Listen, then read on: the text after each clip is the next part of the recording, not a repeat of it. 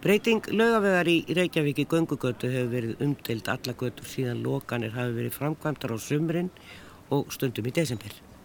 Kaupmenn er ekki á eitt sáttir við lokun og yfirgnafandi meirfluti þeirra hafa sett nafnsitt á undirskriftalista gegn lokun. Bent hefur verið á þann möguleika að leifa umferð bíla en forgangur gangandi og hjólandi hafður í fyrirrúmi. Hins vegar eru gestir miðborgarnir almennt ánæðir á góðverði stögum þegar lögavegurinn er lokaður. Í flestum borgum finnast göngugötur þrátt fyrir erfitt vetraveður og fólk sætti sig við lokun með tíð og tíma. Þetta tók mörg ári kaupmannahöfn á sínum tíma en strikinu var breytt í áfengum og hófst árið 1962. Drottninggatan í Stokkólm er ansi löng göngugata og sömulegðis Karl Jóhann í Oslo. Fólk man ekki eftir öðru í þessum borgum. Skólaverðustígu breytist einnig í gangugötu vegna legu sinnar en þar er að finna þó nokkur bílastæði en því er ekki að skipta á lögavi. Kaupmenn segja að Íslandingar séu hættir að vesla í miðbænum og kenna gerðnan lókun um en er það svo? Hvað veldur því að reykjögingar fara ekki lengur í miðbæin að vesla? Við ætlum að ræða umdelda lókun í dag við Sigurborg og Ósk Haraldsdóttur formann umhverfis og samgangur á sporgarinnar og Bodla Ófeksson guldsmið á skólaverðustíg.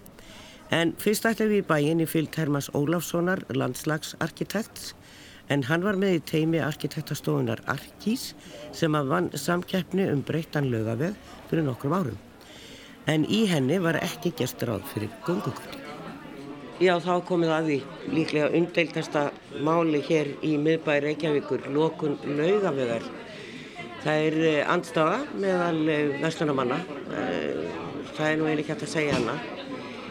Kanski eru ekki allir búin að setja sig alveg inn í málið en þetta er sérsagt ákveðið að lögavegur smá saman verður gungugata. Þetta byrjar nú smátt og öruglegt er að taka nokkur ár en byrjar hér við hornið á klappastíg og lögavegi og neyður úr og þá dettur náttúrulega skólaverustígurinn inn í það dæmi því að skólaverustígur liggur jú neyður á lögavegi. Þetta var þetta og við erum komin nýr í bæ og ætlum að ræða aðeins við Herman Ólafsson, landslagsarkitekt. En hann var með í teiminu með teknistofunni Arkís sem að gerði vinningstullu og að breyttum lögavegi fyrir, já, bráðum fjórum-fimm árum síðan. Og það hefur ekkert verið gert í henni síðan hún var byrkt en hún var eiginlega á öðrum forsendum Herman, hún var eiginlega axturskata þá ennþá. Það var ekki göngugata. Nei, nei, það er alveg rétt. Fórsetuðar voru í sjálfum sér ekkert floknar. Það, það átti bara að, að flikka upp á göttuna og sjæna hana upp, uh, gera nýtt yfirborð og, og, og betrum bæta göttuna. En hún átti að vera áfram sem sagt eins og hún hafi verið svona lítil bílagata Já. og með þessu möguleikum að loka sumargötum og þannig að fórsöndina þar voru ekki þær sem að þær eru orðna þá núna með þessari, með þessari samþygtum að gera hana að göngugötu. Þannig að það er svolítil þróun að vinna eftir í, í hönnuninni sjálfur í núna eftir, eftir þessar breytingar og, og við erum sjálfur sér lítið komin á stað með það En í þessari vinningstölu ykkar þá takir þið yfirborðu og breytir því þannig að það er ekki gata, það er bara slett yfirborð, öll gatan er hellilög og ekki svona gangstétta brúnir eða neitt slíkt. Einmitt, það passar. Já. Það var svo sem það sem að var kannski rauðið þráðurinn í, í, í tilögunni að, að, hérna, að gera nánast eitt yfirborð bara sama yfirborðið hústafna á milli. Og þetta eru svona sótum þessa fyrirmyndir í, í hugmyndunum shared space sem er kannski ekkert svo sem ný eða, eða fersk þannig séð en, en, en þetta höfum við séð uh, viða í Evrópu en kannski mest á svæði í Bristol og, og viða í, í, í Brellandi þar sem, að, þar sem að þetta hefur verið prófað aldrei mikið og þar eru kannski, það má segja að hér, það var hugmyndir áður um, um, um uh, vistgötur. Þar höfðu gangandi forgang og til mótuðæðis við venjulega göturna þar sem að bílinn hefur runni allan forgang. Og einhver litum að segja að þetta sé kannski hérna millivegur um að þarna eru allir bara jafnir og finna sér sína, sína leið. Það gengur út að fjallæga öll göttu skildi og bönnmerki og, og, og slíkt og, yfirbúsmerkingar og göngubrautir og allt svona í tekið. Gólfið gert bara hreinu teppi og virka kannski svolítið útópist en, en auðvitað verður að einhverju leiti að stýra þessu og, og, og það áttur að koma í ljós hvernig það er gert en, en, hérna, en hugmyndin er, er svo og það eru, það eru til alls skemmtileg dæmi um til dæmis uh, lítil ringtorg eða götuhort þar sem að eru til vídeo af því hvernig gammalt fólk sem, sagt, sem dæmi kemur að þessu og, og það er engar merkingar og það er ekkert, ekkert að gerast. En einhvern veginn þegar að hefur þetta virkað þannig að, að það kemur upp miklu meiri tillitsemi í alla, bæði gangandi og, og agandi þegar að hérna, þegar að allir er, þurfa bara að finna sér sína leið þekkmynda náttúrulega og við skiljum ekki neitt hvernig til dæmis bílaðumferðin gengur fyrir sig í sjansölu séð og þessum breið strætum þar sem að þúsundur fara um á einni mínútu án nokkur að sjáanlega sko merkinga eða bóða eða banna. Það finna sér bara allir og þá taka allir til þetta vita allir sína stöðu, þekkja hann. Þannig er hugmyndafræðin og var í okkar, okkar semst að að, þetta yrði, yrði hérna, hún yrði akvær, lögverðin yrði akvær en að fólk myndi finna sér, skapa sér þenn, þessa tillitsemi milli, milli vegfærenda sem eru náttúrulega verða meira og meira eh, fjölbreyttar og fjölbreyttar ferðamáti, það eru konar rafskullur og og, og eldra fólk er farað til einhvers veginn svona fjórhjólra fjól og það eru gangandi og það eru meiri segja hjólandi eru sko breyður hópur, það er ekkert sama að vera á svona dönsku eh, blómakörfi hjóli og síðan að vera á, á kapastasjóli sem að þannig að sko það er ekki hægt að flokka þetta svona eins og kannski var reynd að gera hérna áður fyrir. Stefnan er að gera þetta gungugötu og við heyrum kannski nánar af því frá, frá eh, formanni umhverfis og, samgöngusviðs hér í þættinum en, en e, sko e, það hefur verið mælt að meðan að gatan er svona með axturskötu og gangstéttum sittgóru megin að þá gengur fólk ekki á götunni þó að sé búið að loka. Nei, það er nefnilega svo skrítið með það að, að hefðin er alveg ótrúlega sterk í þessu og yfirborðið bara og þessar já, þessar leiðbynningar sem að fólk hefur fengið í gegnum tíðina, þær, þær sitja alveg hreint uh, alveg mjög stert í vitund fólks. Og þetta er alveg eitt og ég hef tekið eftir í sjálfur að maður er maður fýla sig sem algjörðan gest og eiginlega óbúðinn þegar gödnar eru lokaðar en hafa þessa hafa þessu uppskiptu sko, uppskipta yfirborð Já. að maður eiginlega vegra sér ekki að nút þó maður viti óskur vel að, að maður er velkominn og, og, og það er engin bílaðin ferð. Þetta er ekki bara svona fegurafræði eða að, að vera með eitt yfirborð og slett það, það skapar ákveðna stemmingu það, það breytir viðþorfi fólks eins og ég var að lýsa líka á þann að, að þegar það er ekki þessi gömlu sagt, merki um hvernig fólk á að hafa sér að þá tekur það upp í flestum tilvíkum sína gömlu og góðu síði og, og kurteysi og, og, og skilning.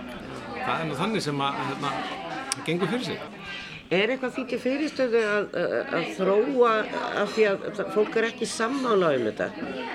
Og, og maður finnur það að það er mikil anstafa hér hjá mörgum kvöldmannum. Ég veit ekki alveg hvernig það er hjá veitingamannum sem að myndu ná kannski fá varanlegra og betra útiplás heldur en mjóa gangstett og þá eru náttúrulega vegfærandur sem eru gangandi útýst af gangstettinni sem er ekki gott og það er komið út í umferðina eins og umferðina er núna en hún er nú frekar hæg á lögaveginum eins og við vitum.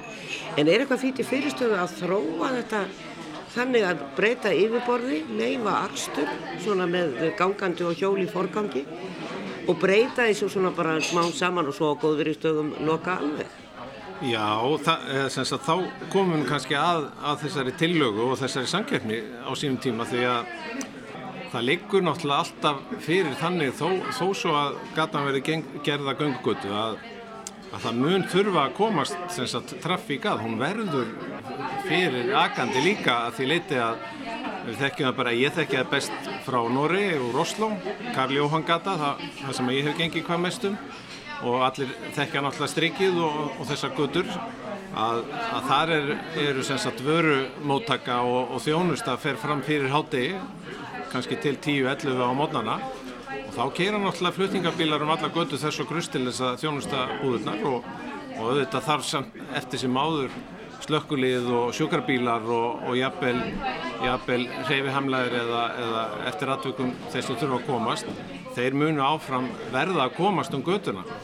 Og þegar að það er haft í huga þá er í sjálfins ekkert praktist sko, sem að kemur í veg fyrir það að, að, að þessu markmiði ungu ungugötur verði náð á lengri tíma eða yfir eitthvað tímabil. Já. Það er ekkert í, í hönnun götunar eða í rauninni ekkert praktist sem að hindra það vegna þess sem ég segja að, að það þurfa alltaf að komast um götuna bílar hvort sem er. Já. Þannig að e, ef að menn leðun og þessar deilur og þessu svona svona nokkuð eh, hörð orðaskipti aðeins til hliðar þá liggur kannski lausnin bara fyrir okkur á borðinu og hefur kannski gert allan tíma því að í þessari tillugu þá snéru við doldi við kannski því sem að virtist augljóst að, að bílarnir og bílastæðin ætti að vera skuggamegin í gödunni það er svona kannski það sem að við blasti að setja þá í skuggan en við snérum því við og gáum hérna, bílastæðunum sólarmegin í gödunni og þá náttúrulega kann flestir að spyrja hvað í óskupunum hérna gengur að ykkur en, en, en þá var það hugmyndi sem sagt á veturna þegar að væri lítil hérna það væri sem sagt meiri umfið og jáfnveil meiri þörf á að fleiri færu á bílum til að koma sannarlega að hérna og minna líf úti í, í, í sólunni að þá gæti að ykkur leiti lögur verið, verið notaður sem bílastæði en síðan sáum við fyrir ykkur einmitt á sumrin og að, að hérna, þá væri hægt að fækka bílastæðum og þetta sama plást á sólamegin í götunni myndi nýtast undir ja, götumarkaði eða veitingahús sem sagt borðarstóla og, og þess aftar mm. þannig að það var kannski það var kannski það sem að aðskildi þessa tilögu frá flestum öðrum að, hérna, að, að það sáist þarna bílar sólamegin taka götuna sólameginu En það, það var ekki nema hálsagan sögð því að, því að við gerum ráðferðir á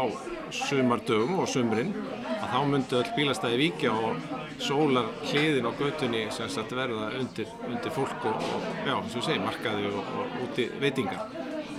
Herman, við skulum uh, kvíla þetta eins hér og fara út fyrir. Sólinn er farin að skýna, við sittum hérna á kaffi hljómalinn og kannski ræða eins um því að þú hannaði torki hérna í kringu þetta kaffihús. Og uh, ræða þess um þessa staði sem eru að reyna að nýta útiplásið ganga hérna niður frá klappastík niður lögavegin Það held ég nú og við kvílum með Herman Ólafsson um stund og hilsum upp á gæstokkar þau Balla Ófeksson Gullsmið á skólaverustíð og Sigurborgu Ósk Haraldsdóttur forman umhverfis og samgöngur á sporkarinnar Velkomi bæðið tvö. Já, Takk fyrir. Ég vil kannski aðeins að byrja á þessu flækistuði með umferðina Sigurborg sem að ég hugsa svona núna allavega er þessi ákvörðum tekin og frá klappastíðunir úr. Þó svo að við ætlum að ræða aðra möguleika möguleika hér en e, þeir ætla að beina umferðinni upplöfavinn um tíma. Jú, jú, mikið rétt. Já. og það er gaman að, að ymitt sá þáttur hefur fengið hvað mesta aðtekli það er að, að þarna er verið að gera eitthvað nýtt. En það sem er búið að samþykja núna er það að það er í raun og veru sem að kannski ekki allir gera sig grein fyrir að það er verið að minga gungugötusvæðið það sem sagt nær ekki upp að vasti heldur einingis upp að klapparstígnum já. Já.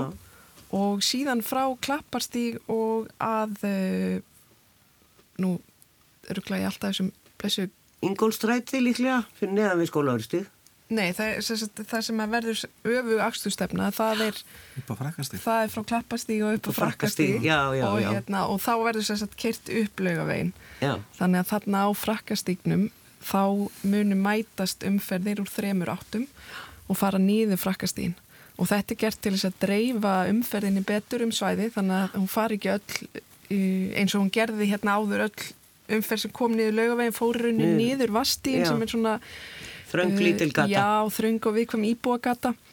Og hérna, en svo erum við líka komið vekk fyrir það sem að, að gerðist ítrekka síðustu ár. Og það var að á göngugötu tímabilinu þá er opið frá 7 til 11 fyrir vörulósun og þá voru í rauninni bara almenningur að keira götuna. Og það var bæði til trafala fyrir fótgangandi en líka fyrir vörulósununa sjálfa því að við viljum að þeir fá sem mest pláss. Þannig að með því að snúa axturstefnunni við að þá erum við að koma í vekk fyrir þetta ég skil. Eh, þetta verður örgulega alltaf skröld að horfa á. Og það útlendingar eru nú þegar mjög slæmir og fari allar áttir þetta þegar þeir eru á bílalegu bílarum en Bolli, þú ert alfarið á móti lókun og komin í námi rafvirkjun vegna mingandi umsöða. Já, Já, það er bara það er verið að bóla menn út. Já, og en sem betur fyrir þá náttúrulega höfum við sérst, útlendingarnir eða túristarnir þeir eru, þeir eru að vesla sko en, en það er svo þetta er svo hérna riski að hafa bara hafa bara ellenda ferðamenn í bænum sem að vesla hjá okkur í staðan fyrir við vorum með áður náðast einhverju íslendinga. En er þetta eitthvað út af lókun því að er, þetta hefur verið svo stuttan tíma á hverju ári. Að, að, það er minkandi veslun Ja, og það er- allir kaupmenn talað um það að það er minkandi veslun bara í heiminum og búðir loka hér og þar og það netveslun er annars svo mikil, mikil. En e, þannig að er þetta bara út af því að það er lokuð gata? Sko þegar að 95% af okkar viðskiptavinnum íslenskum mm. eru hættir að koma í búðina. Þá er þetta er ekki bara neðutöslun en ef við verðum að keppa við neðutöslun ætti þá að þrengja að okkur? Ætti ekki frekar að opna að miðbænum þess að eh, sem flesti kemust? Mm. Við heyrum þetta bara frá okkar viðskiptavinnum að þeir bara nenni ekki að koma í þetta En er bara, er þetta ekki bara mentaliteti á Íslandi? Fólk nennir ekki að vera úti? jú, það getur vel verið sko. En það er bara svo misætt líka aðstöður fólks að því að hérna, við erum alltaf að keppast um tíma fólks. Og það er um vest fjölskyldu fólk og annað sem að er hægt að sjást í bænum. Og hérna þannig að þetta er, þú veist, þetta, já, við erum að keppa um hérna, tíma fólks. Ég sjálfur hjól, nota hjólið óvinni mikið svona rosalega mikið og keiri sjálfur um á ramaspíl og, og eftir nokkur á það var að örgulega allir komnir á svona vistvæna bíla. Já. þannig að þetta getur nú ekki verið út á mengun sem að þið vilja loka. Nei, en hver er stefnan Sigurborg, sko, hvort að líka undan því að það hef ekki verið talað við þá, ekki nægilega Já, og þeirra sjónarmið ekki tekið til greina. Ég ger mér svo sem alveg grein fyrir því að yfirveldur að breyta einhverju skipuleg það verið að gera það víða um bæinn, það sem að fólk hafi sjálfsagt kvarta þó að það er ekki bara út af þessu. Um, það er náttúrulega ekki endalust að það taka til þetta en, en hafa virkilega engi fundir verið, er það rétt? nei, ég sjálfsögð ekki og, og það var opið hús í, í hérna, ráðhúsinu. Það var opið hús í heila viku þar sem að, allir gáttu komið. Við vorum með svona vinnuborð þar sem við, það var búið að prenta út rísastóra myndalög á veinum og svo var þetta að merkja inn á hvað viltu sjá og hvað viltu ekki sjá á, og setja inn á rís, þessa stóru myndalög á veinum og þetta hefur allt verið fært inn í miðasjá þannig að það er haldið utan hverja einustu aðtöðsemt en það var líka möguleikar á í raunin, raun að veru ekki bara áarpa þess að litlu hluti heldur bara hvað viltu sjá á laugaveinum og hvað viltu sjá í miðbænum. Og þarna var funda með uh, veit, sagt, verslunar eigandum og þarna var funda með þeim sem að kom með aðfung, það skipti miklu máli og svo voru það líka með íbúum en svo hafa sjálfsög verið haldni fundir með um, uh, báðum samtökunum sem eru þarna í dag Uh, Það er segja miðborgin okkar og miðbæði félaginu. Það er líka virt samráð með örkjasambandinu. Það eru veitur sem við þurfum að hafa samráð við og svo íbúasamtökin. Þannig að þetta er stór og, og breyður hópur sem þarf að tala við. Og, hérna, en mér langar að þess að áarpa það varðandi það sem að, að bollin nefnir hér að þrengja að fólki út af því að, að það er akkurat ekki verið að gera það. Við erum að, að gera pláss fyrir fólk. Við erum að opna göngugötur og við erum að gefa fólki meira pláss. Við erum ekki að gefa bílnum meira pláss, heldur fólki. Og þetta finnst mér algjörst grundvallar atriði að nefna því að um, það eru raun og veru miklu, miklu fleiri sem ganga um laugavegin heldur en fara með bíl. Við sjáum það að tölur frá síðastast sumri sínd okkur að 17.000 manns voru að ganga daglega um laugavegin. Þannig að það er gríðilega gott, gott aðgengi en það getur verið betra og það, það gerum við með því að fjölga stæðum fyrir reyfahamla sem stendur til að gera. Það gerum við með því að hækka yfirborð götunar sem er hluti af endurhönnun hennar þannig að það sé betra aðgengi inn í verslanir. En það er líka gríðalegu fjöldi bílastæða í miðbænum. Það má ekki gleyma því að í götu á þessu, þessu svæði sem að er verið að skoða sem göngugötu svæði til framtíðar, öllu svæðinu, það, það er segja þessum hluta skólaverðstíks og öllum laugaveinum, eru 57 stæði í götu. En í bílastæða húsunum sem eru þannig kring eru 1680 stæði.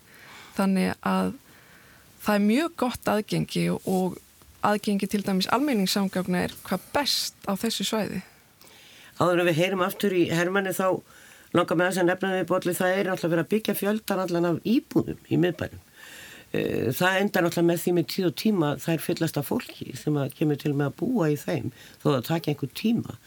Þetta fólk er náttúrulega ekki að koma á bíl í bænum. Nei sko, e, þegar við fluttum í bæn, þetta er 27 árum síðan, e, þá bjóð ég þar, við erum í bæ og fóröldur við erum að næða þá þá var ég rosalega stoltur af því að geta gert allt fókgangandi núna þurfa fólkdra minnir að fara á bíl öll erindi.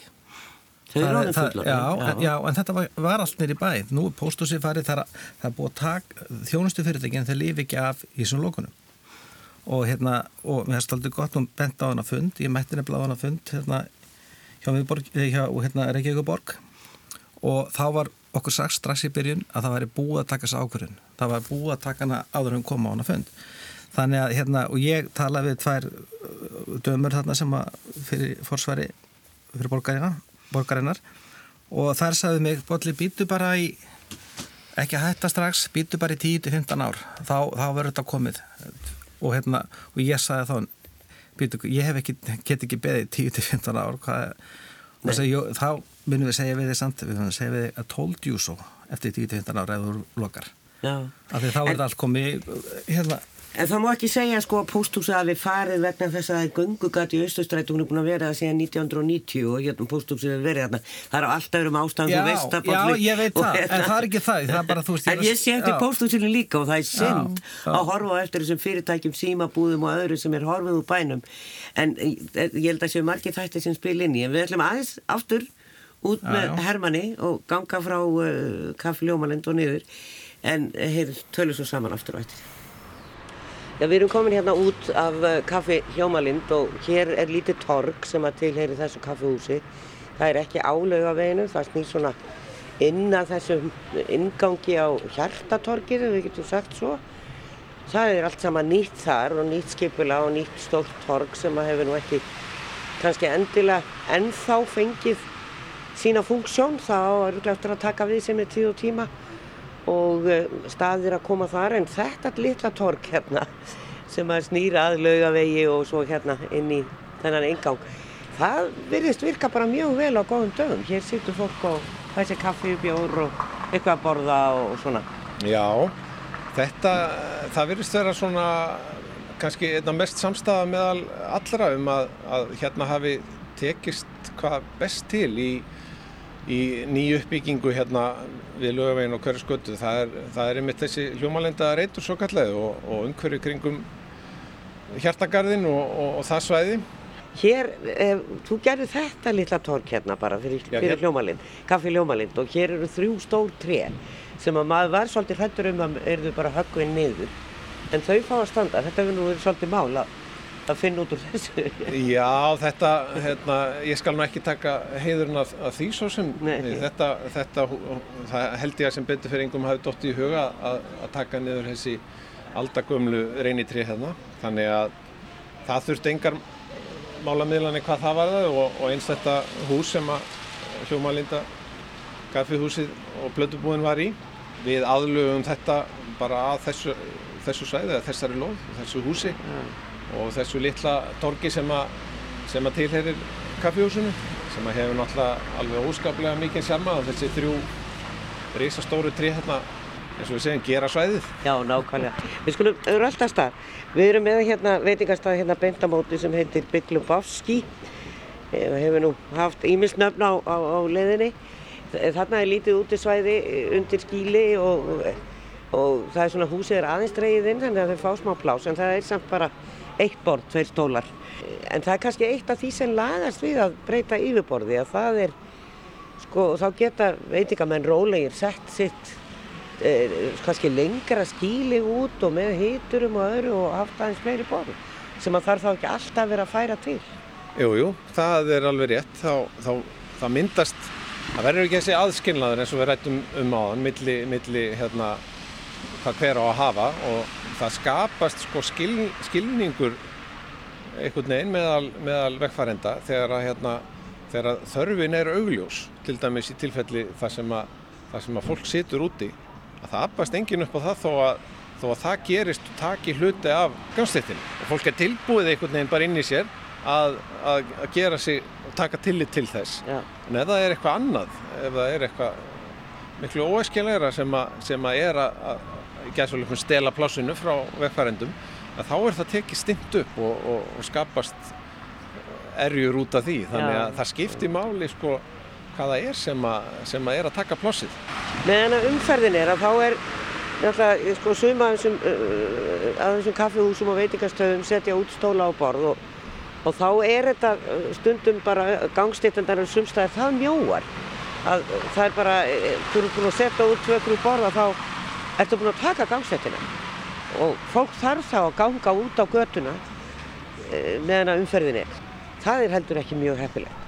Nei og það er það, er það sem við vonum að geti breyst já, eiginlega burt frá því hvort að, hvort að umferðin verður nú hérna eitthvað áfram eða, eða ekki það er þessi það er þessi gagkvæmi skilningur að, að þegar það eru borð og stólar og, og það er líf og, og, og fjör að þá, þá er fólk tilbúið til þess að leggja smá likju á, á gönguleðina sína og út í kannski pláss sem að e, þó það væru bílar þar og þá eru þegar að þeir sjá eitthvað bara þekkjum það ef að kemur gangandi vegfærandi sem að þarf að víkja út af borðum og stólum og þá er bílistarnir líka meira tilbúinir að, að hægja á sér þegar, já, já. þegar þeir eru orðinir hluti af einhverju svona skemmtilegu umhverfi. Já, e, það er kvarta mikið undan því að, sé, að fólk missi bílastæðin á lögaveginu, þau eru alveg örfá. Hér við mál á menningu og vegamótastíg og við apotekki Livju eru sex stæði, þrjú sitt hverju megin. Sko þetta er, þetta, ég veit ég eftir að telja bílastæðin hérna niður og þá veist að ég séu innan við tíu. Hérna eh, niður, það er einhver í bankastrættinu og, og einhver hérna eh, norðamegin við lögavegin eh, enginu sem sagt sunnamegin neðar en þetta. Þannig að það það er ekkert voðalega mörg bílastæðast tapast hérna. Nei, ég held nú að umræðan geti nú valla sko snúist um bílastæðin því að þau eru eins og segir, þau eru bara teljandi á fingrum annara handar Já. í dag. Þannig að, þannig að umræðan snýst nú einhverju leiti um einhvern veginn aðkomu að þessu með hvað hætti hún á að vera. Það hefur kannski ekki farið nægilega hátt í umræðinu að auðvitað verða alla hlýðargöturnar sko opnar. opnar og það verður hægt að keira yfir löguvegin og, og þessar hlýðagötur eru nú ansið þéttar niður eftir löguveginum og, og, og þar eru bílastæðu og verða að óbreyttu að, að miklu leiti myndi ég halda. Fyrir utan náttúrulega bílastæðhúsin sem að eru hérna já, eiginlega allt í kringa hérna allavega neðanverðum löguveginum ég kom nú til þín hérna við hljómalindareitin og, og lagði í traðakort raðakoti já, Þar er nú eitthvað annað hundra bílastæði og já, og alltaf ljósa skipti út eins og segja hvað er mikið laust. Þannig að maður þarf ekkert að fara inn og ringsóla til þess að eh, hérna, leita stæði þar inni. Til maður veita bara um að fer inn ef það er stæði laust ef þeir vanta stæði þá ferði ekki náttúrulega löguvegi í dag. Þú ferði náttúrulega, þegar það er sára litla líkur að séu hvort þið er stæði þar. Þú ferði náttúrulega, ef þú vilt vera örugrunn stæði þá, ferði því þessi húskortið er. Þannig að þannig virkar það nú í dag. Sko, eh, það er náttúrulega verið að ræða um orkuskipti, það er verið að ræða um lofslagsbreytingar, kólefnisspor og allt það og við mengum alveg gríðarlega á bílunum okkar hér á Íslanda með við fólksvelda. Í flestum borgum eh, í kringum okkur, bara á Norðurlandunum sem eru nú ekki stærstu borgir í heimi, að þar er farið að kosta að koma inn í bæinn á, á bíl og við bara las ég síðast um daginn 12 pund inn í London ef þú ert á mengandi bíl. Það er ekki smá öður, það er 15-1600 kall að koma inn í London á, á, á, á bensínbíl sem eða díselbíl sem að menga mikið og gömlum bílum. Eh, Við eh, ráðlum yfir því að það kosti bara yfirst í bílastæðu hér sem að útlendingum nú bara frekar ódýrt hérna og með að við hvað, hvað eru vanir í heima hjá sér. Þannig að eh, eru við bara svona treg til breytinga. Ég meina verðum við ekki að taka einhver skref í þessa átt. Þú sagðist ekki að Oslo vel. Já, já, Það, þar er verið að milka bílisma mjög mikið. jú, jú. Já, já, ég þekki Oslo, ég var þar í, í námi á sinn tíma og, og, og, og bjóð þar í, í þrjú ár eftir, eftir nám líka og ég fór í atvinnulið viðtal manni eftir og, og lagði mitt í bílastæðahús að, að svona góðum og gegnum sið. Var þarna í, í eitthvað, eitt, tvo tíma frá og kom tilbaka og þá var þetta, sko það eru, það eru 15-20 ár síðan og, og þetta var vel á annað þúsund krónur sem að ég þurfti að borga í bílstafhúsið sko þar. Já, og hérna svo og, og gerði það náttúrulega eiginlega aldrei afturheldur lappaði bara tók streitunni í bæði því að þetta var alltaf allt og dýrt sko Já. svo kom ég hérna heim og sama tíma og lögðum í bílastæðhúsið traðakotið mitt og hérna og fyrir klukkutíman og, og vitið mér það kostaði það sama en þá glindi ég mér því að krónan var eitt tíunda þannig að það kostaði sömu krónu upp í bílastæðhúsi í, Reykjavík eins og í Oslo já, en það var eitt tíunda Það var verður. eitt tíunda raunverulegu verði sem það kostaði þannig að það er, það er gríðarlega ódýrt og hefur alltaf verið að, að leggja á, á Íslandi með að við allstaðar annar staðar og meira þess að mjög ódýrt að fá sekt. Það þekki líka frá Oslo Já, Það tók í. Það tók í, já, ég veit það. Það er hægt bara að þú leggur á hvíta línu inn á bílastæði fyrir utan bara súpermarkaðina þá borgar þú 700 krónir sænskar takk fyrir að það tekið myndaði og þó voru hennar samt nóg á stæðum. Já, já, Já, það það er... rifið upp, upp saga úr Oslo um daginn þegar að fættist barn í fjölskyldinni þegar að ég, við fættum okkar fyrsta þá var ég eitthvað vill eitthvað auðvitað við mig þegar ég var að skuttlast um bæinn og fekk tvær stöðumæla sektir. Já, og önnur var að ég hafði verið 50 cm of nálagt gangbrut ég var sem sagt 4 á 50 en ekki 5 eins og lög gerir ráð fyrir. Já, já, já. það já. kostaði mig eitthvað 5.000 kallinn. Já, hugsaði. Hér er, er, er nokkur stæði fyrir utan vikivaka og túrista upplýsingar hér og uh, einn þrjú bara hreinlega, mögulega fjögur eða það eru litli bílar. E, Það er laust. Það er laust mér sér. Hérna tvö stæði fyrir tvo litla bíla. En við sjáum líka, eh, Hermann, hér á virkum degi þegar við erum að ganga og ég hef svona tekið eftir, ég kem oft í miðbæinn að það er ekkert mikil umferð á laugaveginum svona virka daga, hún er einna helst á rúttinu við melgar þá er hér bílu við bíl og eiginlega leiðilegt að ganga því að það er bara svo mikið mengun af bílum í hæga, hægagangi hérna niður götuna Já, já, það er, við vitum það náttúrulega, það vita það allir að, að bragurinn hérna og, og minstrið, umferðarminstrið hefur breyst gríðarlega mikið síðustu árum. Þó svo að líf, lífið hafi sko glæðist hérna á löguvinum, mannlífið og komið til allir þessir veitingastaðir og, og minjavöru veslanir og að, að þá, þá eru ekki hinn svona dæmigerri reykingur að fara hingað í veslunarleðungur per se. Það, Þannig að- hvað veldur því að fólk fer ekki í bæinn? Það er einhvern veginn, ég fer helst sko það er bara mikið svona einhver afstafa fer helst í miðbæinn að vesla af því ég vil hafa miðbæ og mér ekki væntum hann og, og ef ég mögulega get vesla hér þá ger ég það. Svo auðvitað þarf maður stundum að fara í kringlu eða og aðrir í smára lind og, og svo fer maður í matur, stóra maturubúður annar staðar Já, já, þetta er náttúrulega bara flókin stúdía sem að hérna eru bara viðfónsefni skipulags og, og, og, og, borgar hönnuð út um alla heima. Það er að átta sig á hefðunum einstir fólks. Já. Það er flókið, það, það verður aldrei komið einhvern veginn regla eh, yfir það og, en, en, hérna einhvern veginn finnur fólk sér sinn stað og sinn tíma. Núna er, er, virkar þetta svona að miðbærin hérna er, er yfir fullur, má segja, að- gangandi ferðamönnum. Sérstaklega náttúrulega neðri hlutin af, af lögvegu upp skólafurustíða. Það, það er þessi gullni þrýðningur eða gullni ringur hérna í Reykjavík þar sem fólk fer neðan að leggja götu og upp að Hallgrímskirkju og niður að lögavegi og aftur tilbaka. Á þessum ring þá er eiginlega, er eiginlega bara ekki þverfóta fyrir, fyrir gangandi fólki og, og eiginlega bara eiginlega bara ekkert vita að vera egna bílum út í Nei, það. nei. Graðak. Sko, við erum komin hérna niður á skólaverustíg og e, það er einhvern veginn, skólaverustígurinn er svolítið þvingaður inn í þetta göngugötu dæmi af því að hann gengur hinga niður eftir og þar með inn á lögavegin. En hann er hins vegar ekkert inn í þessum pælingum ykkar út af því að lögavegurinn er axturskata í þeirri Já, e, sko. tillögu og þar með skólaverustígurinn líka náttúrulega. Já, sko, þarna eru þessar breyttu fórsendur frá því að, að hönnunarsamkeppni fór fram þarna fyrir fjórum árum síðan að þá var í rauninni gert ráð fyrir óbreyttri notkun á löguveginum og náttu að vera svona einstefnu gata, rólindi skata eins og í rauninni bara er í dag. En, en núna þarf að vantarlega hugsa það eitthvað aðeins upp á nýtt því að núna það, með göngugötu þá náttúrulega komast ekki þessi bíla sem akka niður skólaugustíðin, komast ekki inn á götuna lengur og þar með er orðin eiginlega neðri hlutin af skólaugustíð líka að göngugötu. Já.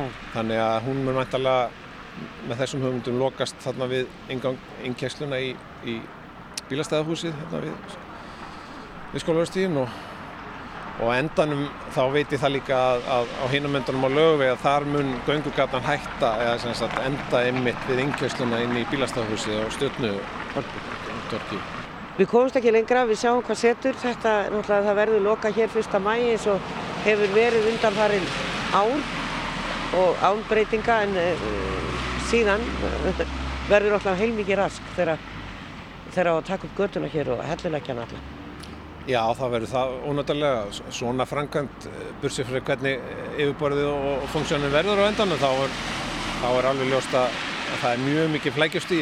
Við þekkjum það úr hverjaskötunum þar sem komað hönnun líka að hún hefur verið tekin upp í svona, svona bitum e, e, milli gatna í einu. Og maður getur eiginlega rétt ímyndið sér flækjast í þegar þarf að loka gatnamótum og beina umferðinni sem að bæði að og frá. Hvernig, hvernig á að leysa það? Það heldur nú og þar með hverju við eh, Herman Ólásson, landslagsarkitekt og höldum áfram hér með Bólla Ófegsinni Gullsmiði og Sigurborg og Ósk Haraldsdóttur Borgarfjöld Trúa eh, Sko, það var margir Sigurborg nefnt þetta shared space þar sem að eh, fólk er í gangandi hjólandi í forgangi, bílarnir með að samt fara. Og ég ringdi í nokkra kaupmenn eh, núna í vikunni og rættu og ég hef svo sem gert það í gegnum tíðina. Það eru miklu fleiri sem eru svona sáttari við það. Er þetta ekki eitthvað sem að þið hafi rætt hjá borginu út af allir þessari óanæg? Jú, að sjálfsögðu. Þetta hefur verið skoðað varðandi gungugötur og miðbæin lengi. Ástæðan fyrir því að það er ekki farið í slíka tillögu hér og slíka vinnu er svo að, að þessi rými, þessi shared space eða, eða deildu rými sem að að hluta til eru þær vistgötur sem við höfum í dag á Íslandi að þær hafa einfallega ekki hefnast það vel. Gangandi upplifa sig ekki í forgangi. En er það ekki vegna þess eins og þórskatan sem er vissgata að hún er ennþá með götu? Breytist það ekki þegar yfirborðið er orðið eitt? Sko það er vissgata í hafnafyrðinum, hjá fyrðinum og, og ég myndi segja að það var bara eins og vesta vissgata sem ég hef nokk tíman upplifað. Það er að segja að að þú ert þarna innan um bílastæði og síðan kemur akandi umferð sem að tekur lítið til í tilgangandi vekkfæranda og í raun og veru tekst ekki að skapa þessa jákvæði upplifun sem að gungugötur eru. Íslendingar keira þar sem þeir komast. Það er okkar reynsla líka í borginni þar sem við höfum gungugötur.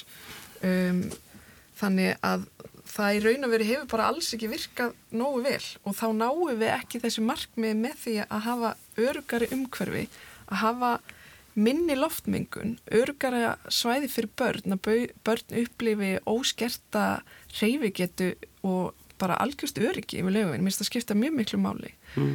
og það sem að, að hérna er tala varðandi loftmengun og, og útblástur frá bílum að þá mun það taka einhver ár og eflust ára tugi að breyta öllum bílaflota landsins í, í rafbíla. Þanga til muni bílar menga og þeir menga uh, ögnum sem eru hættuleg uh, mannfólki og sérstaklega börnum því börn andar hraðar og þau hafa í raun og veru geta verið krabbameisvaldandi fyrir börnin og akkur ættum við að vilja hafa þetta á laugaveginum þar sem við viljum að fjölskyldur og börn komi. Þetta er svo mikil tímaskekkja að þetta er sambarli tímaskekkja og reykja í barnaamæli að mínum að þetta. Mm. Bollið og ég sé að þú ristir hausinn en maður snú okkur aðeins á öðrum sem að eru líka við lögavinn með sín fyrirtæki og það eru veitingastæðinir e, sko það er e, það sko Reykjavík er búin að vera svolítið e, bara að miðborgin í Reykjavík bara frá hruni, Reykjavík var ömuleg hérna í kringur hrunið. Og, og síðan var Reykjavík miðbærin talaðu niður af fólki það var reynlega talað um að ef maður kemur í miðbærin þá væri maður drepin fjölmilar áttu sinn þátt í því það var alltaf verið að draga fram öll þau uh, slagsmál og eitthvað sem kom upp í miðbærin það var sett í blöðin og fórsíður og, og gerðlæti e, kaupmenn hafa verið mjög neikvæður og tala niður þeirra vekki bent á neitt jákvægt þeir tala bara um neikvæðilegarnar og búin að gera það nokkuð lengi En síðan er að veitingamennutun var heyrir áskaplega lítið í þeim. Bolli, þú lítur kannski að þekkja aðeins til þeirra. Já, já. Það er fjöldin allir á veitingastöðum. Þeir fá betra aðgengja sínum stöðum og varanlegt útiplást þeir sem að vilja hafa það. Eh, Hvað segja þeir? Sko, það hefur nú verið þeir þurfa nú að sækja leiði til hafa borð fyrir utan hjá sér og það hefur ekkert alltaf verið létt fyrir þá. Og svo eins og hjá skólastuðuna sem að við erum með sólríka götu á sumrin notabenni ekki á vetuna Mm að þá hafa borð ekki mátt vera á götunni. Þau þur, þurfa að vera á gánstittinni þannig að út af ef að skildi kveikt ný eða slökkubíl eða eitthvað þarf að fara um götuna þá hefur ekki mátt, hafa ekki mátt vera að borða á götunni en ég, mér myndi finnast það svona réttar að, setja þessi borð þá ef þetta er lok- lokað á sumrin setja þau þá út á götu svo fólk getur gengið eftir gánstittunum fram hjá vestunarglökunum við erum nú með vestlanir og veit ekki að húsamenn vilja líka gangi að glökunum þeirra til að sjá hvað, hvað þeir eru að bjóða upp á. Þarna er með matstælan í glökunum ánað þannig að já við viljum sagt, fá fólki nær okkur ekki íta þeir út á götu Já, já. Já, ég skil það vel en ég minna þú, fólk kýst nú líka að setja upp fyrir veginn þann skjól og annað. Þannig að Já, já. þetta er mér kannski svona Já, já. eitthvað sem að, og, og mér skilst nú á þeim sem hafa rannsakað það að þá sest fólk ekki ef að bekkur er út á torkið, það sest ekki það, það sest ég að fyrir á götuna fyrir veginn frekar. Já, við erum með borða stóla fyrir utan okkar búð Já. bara frá þau opnum Já, það er sest. Já, og, og, já, já, og það er bara að við gerum það er hugulegt og svo hérna er föðari fólk að ganga upp göttuna og þetta er náttúrulega brött gata. Já, þannig að geta kvilt sig. Já, e, sko, leigan er náttúrulega, það er eitt af því sem er að fæla fólk uh, úr búðum uh, í, í, í miðbænum. Og, og þetta er þau heilt frá mörgum sem eru þarna með lítil, lítil einarkjar og lítil fyrirtæki og það bara hreinlega stendur ekki undir sér. E, Það eru til dæmum það að borgir hafa þetta bara eins og brotætt byggð, það hafa gengið undir bakka, lækka leigu, kauk kiftústa, jafnir lækka leigu, lækka fastegna kjöld, Já. Sigurborg, hvað segir þau? Þess að svona íta undir það að bærin sé lifandi, við viljum alltaf hafa lifandi miðbæri. Ég get ekki ímynda að vera annað. Nei, svo sannlega ekki og við viljum öll hafa lifandi miðbæ og hann hefur aldrei verið eins lifandi og hann er akkurat núna. Það er ágætt að halda því til haga. Hann er alls ekki uh, dauður eða, eða lítið líf í honum, það er akkurat döfugt. Ég held að aldrei verið eins mikið líf og akkurat núna og aldrei verið eins margi veitingastæðir og einmitt núna. Um, það stendur til að lækka þar að segja álagningar prósenduna á uh, fastegna atvinnuhúsnaði og það er það sem að meiri hluti borgarstjórnar ætlar að gera á þessu kjörtímubili en ástæðan fyrir því að fastegna gjöld eru hins vegar að hækka er, er ákveð reikniregla sem að hagstofan notar. Og það e- eftir því sem að verðmæti fastegnar er ekstra því meira aukast fastegna gjöldin þannig en álagningar hlutfalli hefur alltaf verið það sama hins vegar hjá Reykjavíkuborg þannig að að við leggjum okkar á vogaskálunar og með því að lækka hérna, álagningar prósenduna að þá er við að minka innkomu uh, borgarsjóðs um halvan miljard á ári en við viljum enga síður gera það til þess að styðja við atvinnulífið. Mm. Við erum að gera margt annað, við erum að vinna með báðum miðborgarfélagunum uh, og, og í raun og veri styrkja þau í síni starfsemi og að auðlýsa sína starfsemi.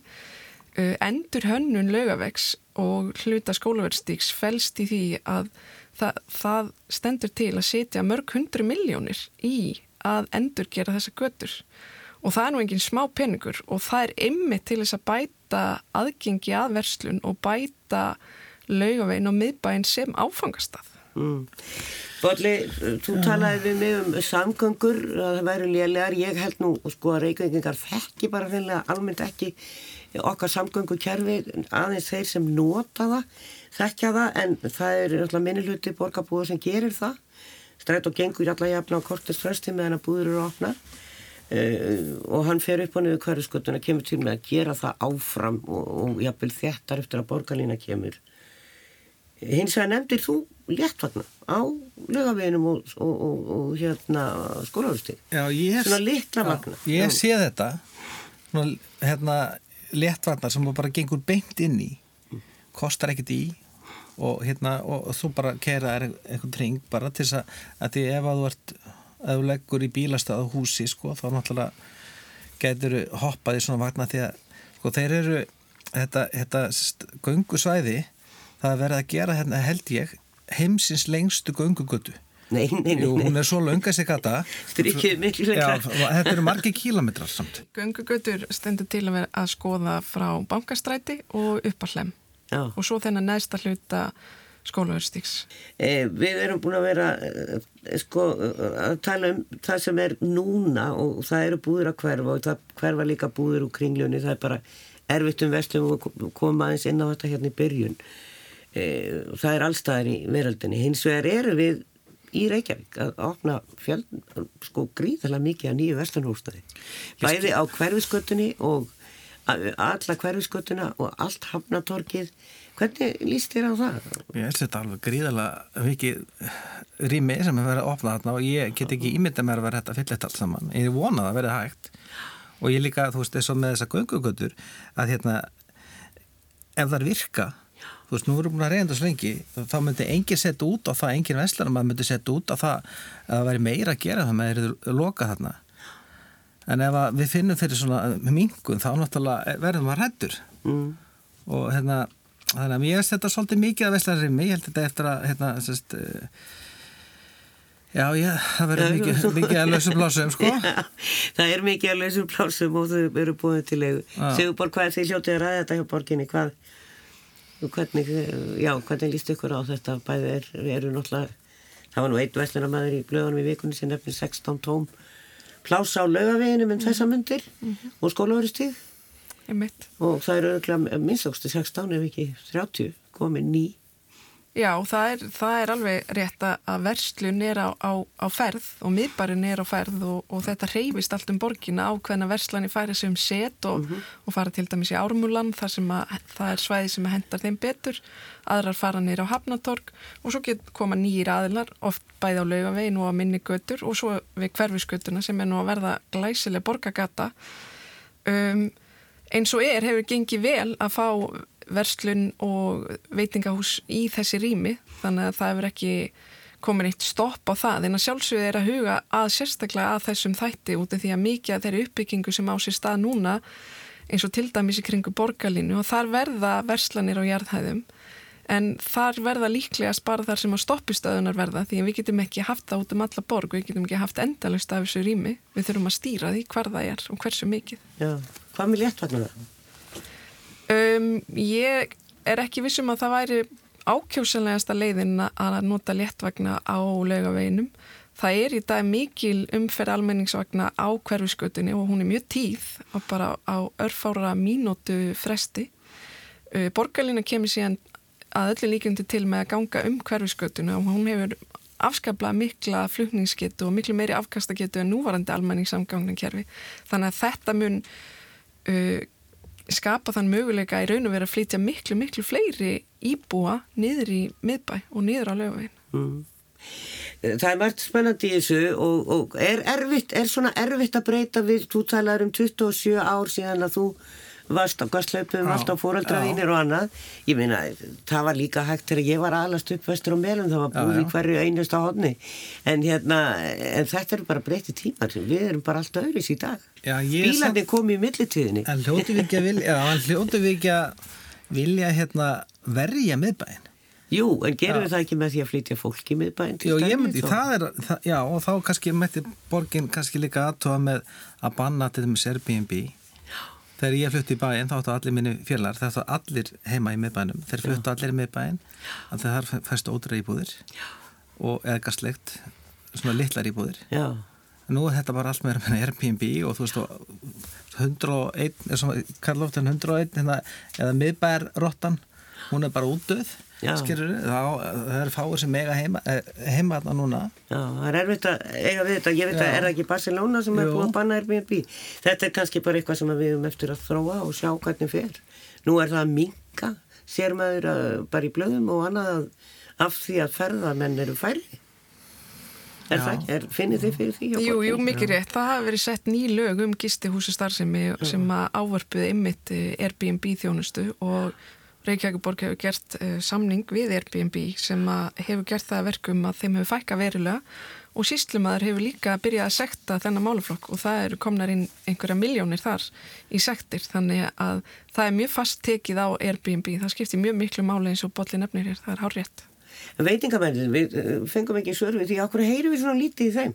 Já, þeir eru alveg á fullu líka, alveg svo við sko. Að mótmæla já. af hverju. Og hótelegundur. Þannig að, þú veist, þannig að þú veist, það er ekkert að koma að Er þetta ekki bara svona líka eitthvað, þú veist, ég vil ekki breytingar? Nei, ég er alltaf lópin fyrir breytingum, en, en hérna, en ekki að það virki. Nei.